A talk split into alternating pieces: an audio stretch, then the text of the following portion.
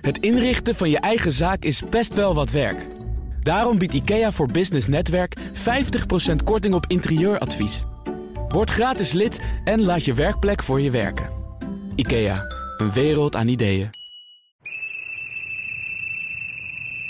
Nederland heeft 7000 kilometer spoor, meer dan 6000 wissels, 11.000 seinen en zo'n 2400 overwegen. Vorig jaar maakten 32 spoorwegbedrijven hier 160 miljoen treinkilometers over. Dat is veel, heel veel. Het is nergens in Europa zo druk op het spoor als in Nederland. Bij ons rijden elke dag twee keer zoveel treinen als in Duitsland of België. En zelfs vier keer meer dan in Frankrijk. Hoe zijn we aan dit spoornet gekomen? Is ons spoor nu zo goed? Of is het ook een beetje kwetsbaar? NS zou nu gouden tijden moeten beleven. Spoorboekloos rijden, minder vertraging en tevreden reizigers.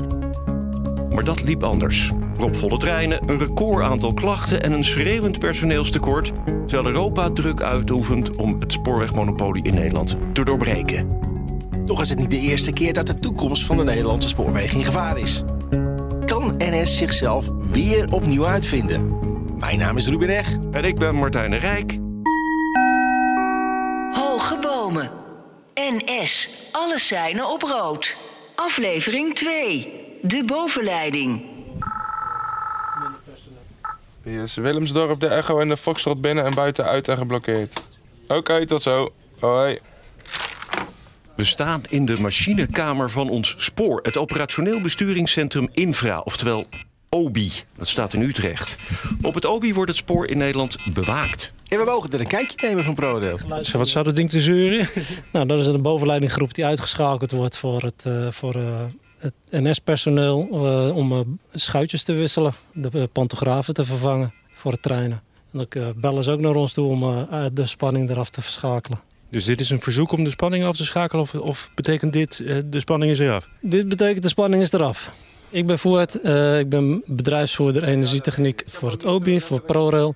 We zijn nu op het OBI, operationeel besturingsinfra. Hier beheren en controleren we alle voedingen van het gehele spoor, landelijk. En als we het hebben over voedingen, dan hebben we het niet over uh, aardappeltjes, maar dan hebben we het over kilovolts en zo, en dat soort dingen. We hebben het over de bovenleidingsspanning, 25 kV voor de HSL Betuweroute, de 1500 volt voor het normale spoor. En, en, dan hebben we nog ook grensovergangen waar we 15 kV of 3 kV uh, voor de Belgen en voor de Duitsers hebben. Uh, 3 kV voedingen uh, waaruit de voedingen wordt afgeleid voor de sein- en de wisselsturingen. En dan de tunneltechnische installaties die er ook nog eens bij komen kijken. Mag ik dit een beetje de, de machinekamer noemen van de Nederlandse spoorwegen? Zeg maar van de Nederlandse spoorwegen, het, van het spoorwegnetwerk. Ja, dat is het wel. Het is wel de machinekamer, de onbekende machinekamer... die toch noodzakelijk is voor het geheel. Voordat we verder de techniek ingaan met Fuad, eerst even een stukje achtergrond. Er ligt dus ruim 7000 kilometer spoor in Nederland. En als ik dat via Google Maps eens eventjes ga bekijken... dan zie ik dat dat van Amsterdam naar Libanon is en weer terug. En over die 7000 kilometer spoor rijden ook nog eens ongelooflijk veel treinen. En toch rijdt elk jaar 90 tot 95 procent van die passagierstreinen gewoon op tijd. Althans, die treinen komen minder dan 5 minuten te laat aan. Vanaf 1994 wordt het spoorbeheer en de verkeersleiding niet meer door NS gedaan, maar door ProRail. En dat is geen gemakkelijke klus met die 7000 kilometer spoor en al die treinen die er overheen rijden. Als we Nederland vergelijken met andere landen, dan zien we dat Nederland een heel complex net heeft als het gaat om het kernnet. En daarmee bedoelen we um, de middelgrote en grote steden die uh, verbonden zijn uh, met de treinen, met name in het westelijk deel van Nederland. Dus ja, laten we zeggen Amsterdam, Rotterdam, Den Haag, Utrecht. Het uh, druk bereden net. Dat zit complex in elkaar. Dat is heel anders dan bijvoorbeeld het Zweedse net, waar het gaat om enkele hele lange lijnen. Door Bert van Wee hoogleraar transportbeleid aan de TU Delft. Een tweede verschil tussen Nederland en andere landen is dat het Nederlandse net heel intensief bereden wordt. Er is nog maar heel weinig ruimte op het spoor. Treinen zitten dicht op elkaar En dat is aan de ene kant heel mooi, want dat betekent dat reizigers veel uh, verbindingen, veel uh, opties hebben om te reizen.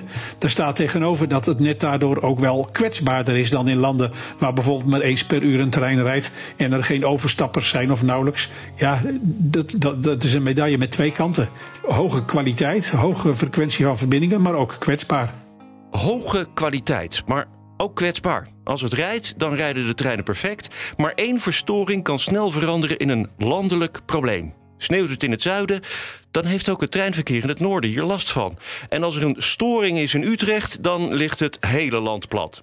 Straks meer over de kwetsbaarheid. Nu eerst even over de kwaliteit. Doen we het goed als Nederland zijnde? Er zijn diverse studies gedaan waarin landen uh, wereldwijd zijn vergeleken als het gaat om het functioneren van het spoorsysteem. En Nederland doet het over, de, uh, over het algemeen behoorlijk goed. Wij scoren altijd hoog als het gaat om indicatoren van als welk percentage van de treinen rijdt op tijd, om er eens een voorbeeld te noemen. Dus wij doen het in principe behoorlijk goed. Je ziet dat als wij vergeleken worden met andere landen, dat mensen vaak komen met twee andere landen. Aan de ene kant is dat Japan en aan de andere kant is is dat Zwitserland. Die landen scoren namelijk op een aantal van die lijstjes nog beter dan Nederland. Maar het feit dat mensen die vragen stellen altijd komen met diezelfde twee landen, geeft wel aan dat er niet zo heel veel landen zijn waar het over de hele linie beter gaat dan in Nederland. Dus even afgezien van de hele recente problemen, scoort Nederland internationaal gezien behoorlijk goed. En dat is best knap, omdat het Nederlandse netwerk best wel veel complexer is dan dat in veel andere landen. En ook heel intensief bereden wordt. Het kan efficiënter. We zijn in Nederland gewend om te klagen over wat we hebben. Tegelijkertijd moeten we eigenlijk ook wel zeggen dat uh, voor de coronacrisis, en zeker voor de coronacrisis, dat ons uh, spoornet het heel goed deed. Dat vertelt Erik Verhoef, verkeerseconoom aan de VU. We staan met hem op station Amsterdam-Zuid tussen de treinen en de auto's op de A10. Nederland is best een uitdagend land. Veel mensen op een kleine uh, ruimte, dure grond, weinig ruimte voor infrastructuur. We hadden het uh, samen, geloof ik, met Zwitserland het dichtst bereden uh, railnet van Europa. En toch was de klanttevredenheid hoog en was de punctualiteit ook best hoog. Dus het ging eigenlijk heel goed. Zwitserland en Japan. Alleen in deze landen gaat het beter op het spoor, zeggen twee mensen die het kunnen weten kun je het ook op een andere manier bekijken? Hoi, ja, ik uh, ben Bas Bollinger uh, en ik ben uh, bij Arcadis de wereldwijd internationaal directeur rail. Arcadis is een bedrijf uit Amersfoort dat overheden en bedrijven adviseert, onder meer over het spoor. Dus je komt nog wel eens ergens over de wereld als het gaat om dat, om dat spoor? Ja, nee, absoluut. Ik kom op, op allerlei plekken. En dat is natuurlijk heel interessant ook om, om te zien hoe gaat het daar, wat gebeurt daar, wat, wat kunnen we van elkaar leren, hoe kunnen we helpen. En er zijn hele grote verschillen en ook veel overeenkomsten. Wat maakt ons spoor anders vergeleken met andere landen? Ja, complex is het zeker. Uh, breekbaar, nou vind ik eigenlijk helemaal niet. Uh, het is natuurlijk heel ingewikkeld. Maar als je het vergelijkt met Zwitserland, uh, dan wordt altijd heel erg opgegeven over de punctualiteit in Zwitserland. Nou, die is ook heel goed. maar eigenlijk doen we daar niet zoveel voor onder. Zeker als je bedenkt dat in Zwitserland er eigenlijk twee keer zoveel geld tegenaan gooien. Dus daarmee doen wij het eigenlijk heel erg goed. we doen het dus veel slimmer, durf ik wel te zeggen. Hoe kan het toch dat wij dan toch zoveel klagen? Stellen we zoveel eisen aan het spoor? Of vragen we dingen die anders zijn dan in andere landen? Uh, wij stellen hoge eisen, gewoon als, als reiziger, als, uh, als samenleving. En dat is denk ik ook terecht, want spoor is natuurlijk ook heel belangrijk. In ons kleine, compacte land, uh, heel veel mensen willen graag met de trein naar het werk. heel goed, vooral ook doen, is nog duurzaam ook. Uh, maar uh, daarmee verwachten we dus ook heel veel. En we willen er gewoon graag, graag, op tijd zijn. Als de trein om drie minuten over vertrekt en we verwachten dat hij om drie minuten voor half aankomt, dan willen we ook dat het zo is. In heel veel landen is het ook niet ongebruikelijk dat je gewoon daar een half uurtje of soms twee uur bij optelt. Uh, maar in Nederland accepteren we dat eh, niet zo gauw. Ja, wij zijn wel een heel erg landje van de klok natuurlijk. Ja, absoluut. Aha, we klagen wat af. En toch, als je naar de cijfers kijkt, dan doet onze trein het eigenlijk heel erg goed. Op het hoofdrailnet rijdt steeds 90 tot soms wel 93 procent van de treinen op tijd. En veel reizigers, die weten dat ook best. Hier zomaar wat reizigers in de avondspits op Amsterdam Centraal. Ik weet dat veel mensen klagen, maar ik kan het, ik kan het, niet, ik kan het ze niet nadoen. Ik vind dat we het in Nederland, eh, misschien ben ik een uitzondering, maar dat we het prima voor elkaar hebben in Nederland. Ik realiseer me wel vaak dat die infrastructuur niet vanzelf is gekomen en dat het toch wel heel veel biedt. Ja, we klagen heel makkelijk, maar uh, deels gaat het toch wel goed. Die zijn dus best tevreden over ons complexe spoor. Alleen, hoe complex is dat dan precies?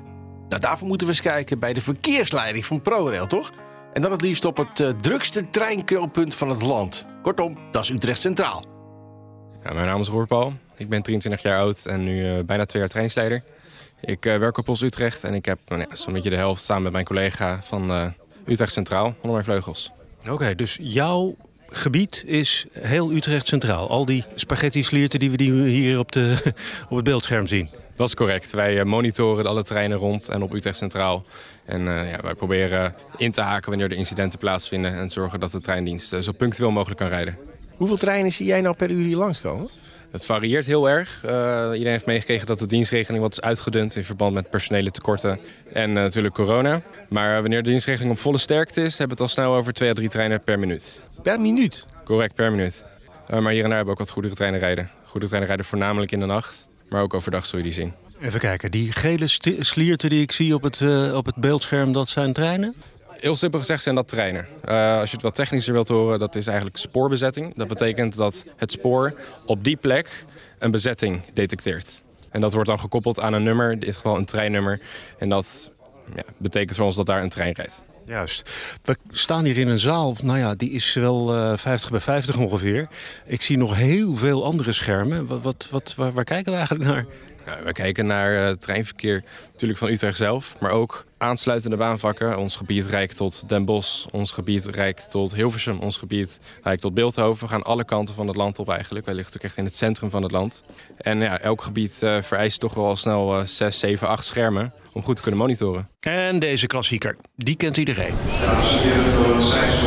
Als het in Utrecht plat ligt, dan is de kans groot dat de treinen in het hele land niet meer kunnen rijden. Het heeft te maken met het feit dat bijna elke trein die door Nederland rijdt... uiteindelijk aansluiting vindt op Utrecht Centraal.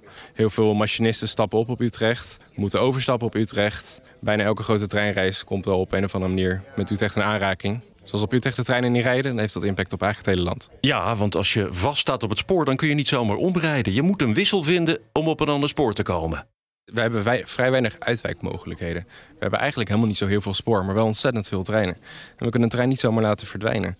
Als een trein ergens komt te stranden, dan gaat dat al heel snel impact hebben op de opvolgende trein. Dus staat hij de weg, ja. ja precies, ja. Dan kunnen ze niet zomaar laten uitwijken. Ze zullen altijd ergens geparkeerd moeten worden. En we hebben het over gigantische dingen. Die treinen van die soms wel 300 meter zijn.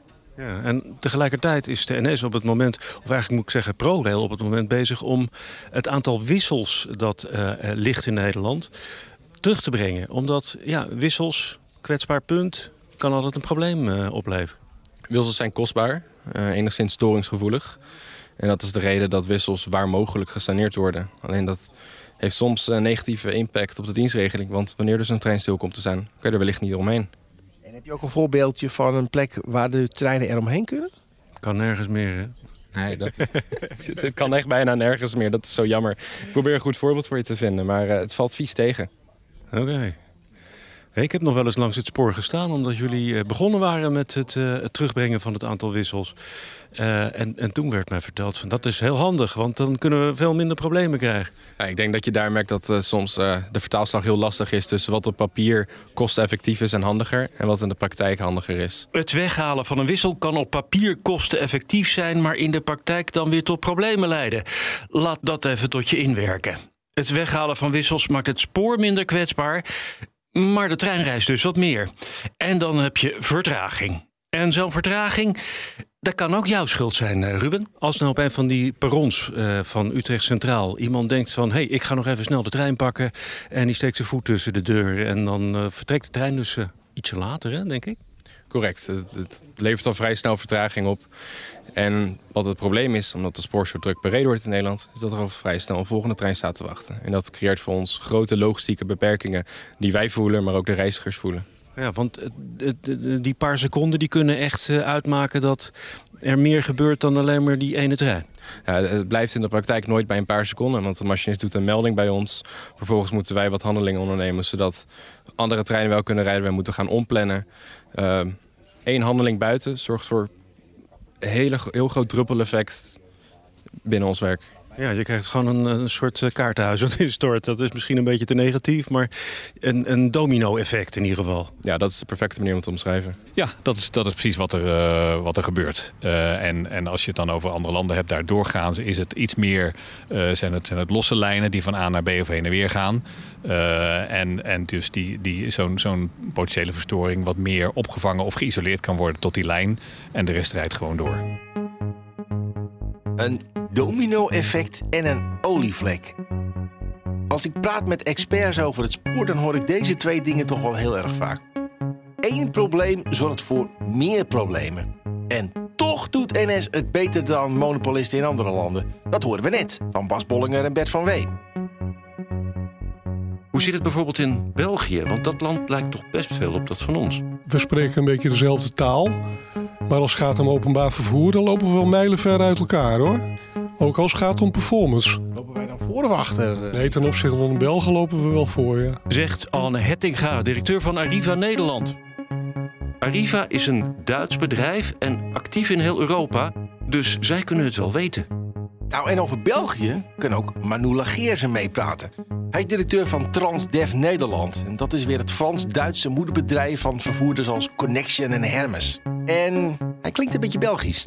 Ondanks dat ik uh, sinds 2004 in Nederland werk, kan ik die nog niet wegsteken. Waarom hoor ik dit soort verhalen bijvoorbeeld in België dan niet of over concurrentie op het spoor? Het zou beter daar wel gebeuren, want de kwaliteit. Als je één ding NS wel moet uh, toegeven, is ze hebben wel van alle monopolisten in Europa een van de beste diensten geleverd. Ik denk dat dat ook mede is, en dat geven ze soms ook wel toe, door de concurrentie die er aan de randen is. De lat wordt hoger gezet en ze hebben die uitdaging heel goed genomen. En ze doen het ja, heel goed als monopolist ten opzichte van andere landen. Toen de marktwerking in gang kwam, toen moest de NS ook mee. En die heeft echt aanzienlijke verbeteringen doorgevoerd ook. Maar onder druk van die concurrentie. Niks menselijks is ons alle vreemd, zeg ik altijd. Haal je concurrentie weg, dat verslapt. En dan zakt die boel weer als een plumpudding in elkaar. Wat, wat was het een verschrikkelijk inefficiënt en daardoor kostbaar en slecht opererend bedrijf voor de marktwerking. Wacht eventjes. NS loopt Europees voorop dankzij de concurrentie. Zeggen de bazen van de twee grootste concurrenten. Voor wat het waard is. Rijdt de trein nu echt beter als er concurrentie is? Wat zegt bijvoorbeeld hoogleraar Bert van Wee hierover? Uit onderzoek van de Vrije Universiteit een paar jaar geleden is gebleken dat de dreiging van marktwerking al maakt dat de NS beter gaat presteren. Dus wat ik vermoed dat misschien toch wel het beste is, is zeggen nou als jullie uh, niet voldoen aan dit soort eisen, dan uh, loop je het risico dat wij de kernnet gaan aanbesteden. Dan heb je een grote kans dat de NS op zich al heel goed zijn best gaat doen. En dan hoef je de boel niet aan te besteden. Dan is de kans groot dat we bij de huidige situatie kunnen blijven, terwijl we toch de voordelen hebben van de werking van de markt. Immers, als de NS niet goed zou functioneren, dan lopen ze het risico dat alsnog het kernnet wordt aanbesteed. En dat heeft in het verleden al goed gewerkt, zo is gebleken. Ik vat hem even samen. De NS doet het zo goed dankzij de marktwerking op het spoor. Dat vinden de concurrenten, maar dat blijkt ook uit onderzoek. Want als NS zijn werk niet goed doet, dan staan de concurrenten klaar om het over te nemen. Maar ook wij houden NS scherp, want we klagen wat af. Ik stap eens in de trein van Amersfoort naar Den Haag met directeur Freek Bos van reizigersorganisatie Rover. Die werd al in 1971 opgericht. Door uh, Pater van der Poel stond uh, in de regen bij de bushalte en dacht, ja, dit kan toch beter. Uh, hier moet een abri komen. Laten we onze krachten samenbrengen. Oproepje in de krant zoals dat toen ging. Komt allen en verzamelt u. En toen ja, is het gaan lopen. Dat was eigenlijk een soort van teken van God dus. ja, zo zou je daar eens kunnen zeggen, ja. de eerste keer dat ik deze hoor. ja. En Freek Bos die weet wel waar hij het over heeft. Nou, ik zit, uh, even kijken, deze week uh, zes dagen in de trein. Ook door corona ietsje minder, maar ik denk wel uh, 60.000 uh, op jaarbasis in het OV. Ja, tot de zomer gaf ik tegen wel een 9. Het is fantastisch. Toen kon je altijd zitten, altijd op tijd. En ja, er gaat ook wel eens wat mis, maar er gaat ook wel eens wat mis als ik toch stiekem de auto pak en, en de file tref. Goed, er gaat wel eens iets mis. Maar het is wel zo dat als er maar iets gebeurt, dat het dan helemaal misloopt op het spoor. Dat ontdekten we ook zelf bij een bezoek aan het hoofdkantoor van Arriva. Arriva-directeur Anne Heizinga. Hoi Nicky, met Ruben van BNR. Uh, ik ben onderweg, of wij zijn onderweg naar Heerenveen voor onze afspraak. Alleen Er is een wisselstoring. Uh, bel me even terug als je wilt. Hoi. Nou, we zitten in ieder geval niet in de bus. Uh, dat is weer één voordeel natuurlijk. Hè? Je moet altijd positief blijven zien.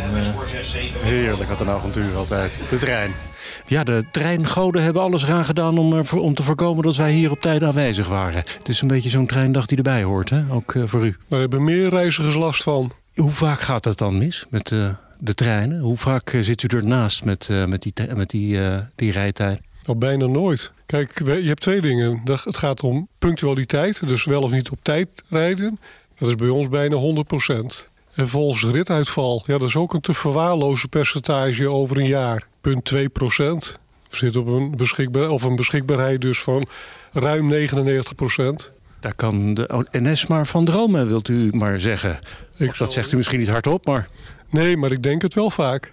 Denken dat je het zo goed doet, maar we willen toch ook wel even horen waarom Arriva denkt dat ze het zo goed doen. Er bovenop zitten, uh, en niet de leiding, maar iedereen.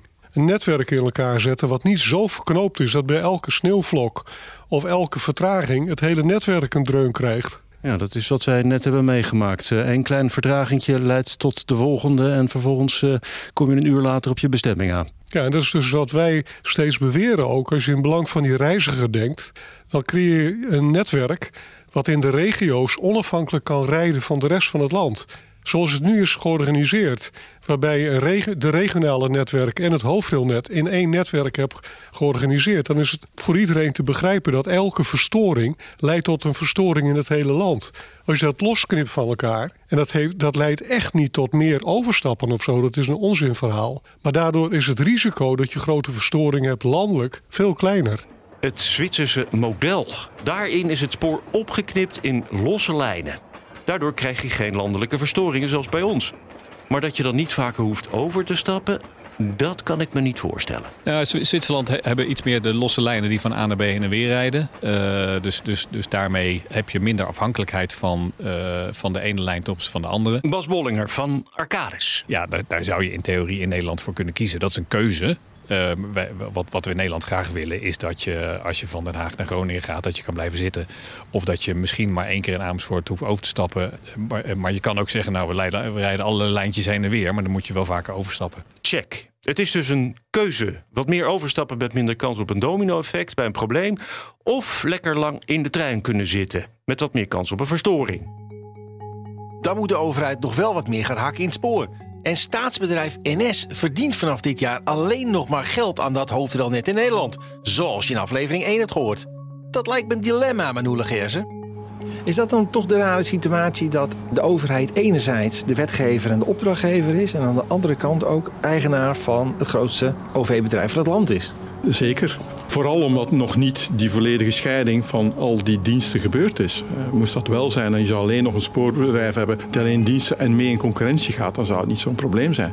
Maar uh, ze gaan aan de ene kant over de spelregels wie mag toetreden. En aan de andere kant hebben ze ook het bedrijf die op 94% rijdt. En proberen te beschermen dat alles zoveel mogelijk intact blijft.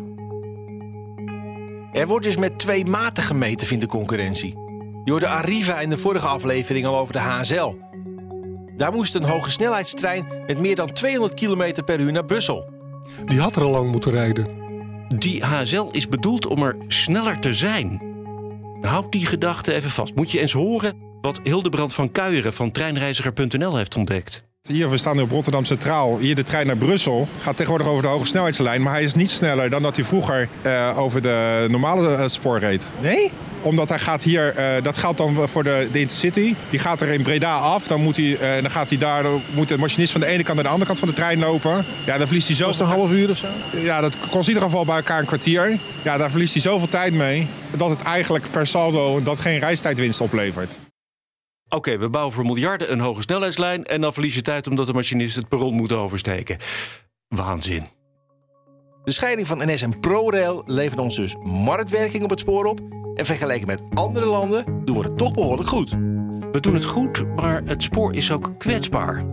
Hoe lossen we dat op? Moeten we het opknippen in losse stukjes... zodat een klein probleem geen landelijk probleem wordt? Maar dan moeten we vaker overstappen en steeds in en uitchecken.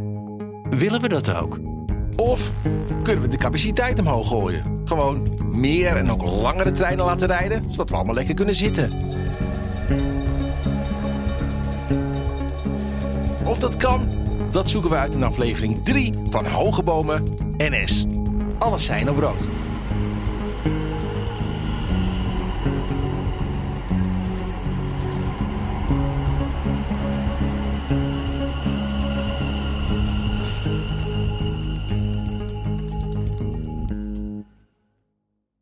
Een kleine update maakt een wereld van verschil. Daarom biedt IKEA voor Business Netwerk gratis snelle interieurtips en ideeën. Word gratis lid en laat je werkplek voor je werken. IKEA, een wereld aan ideeën.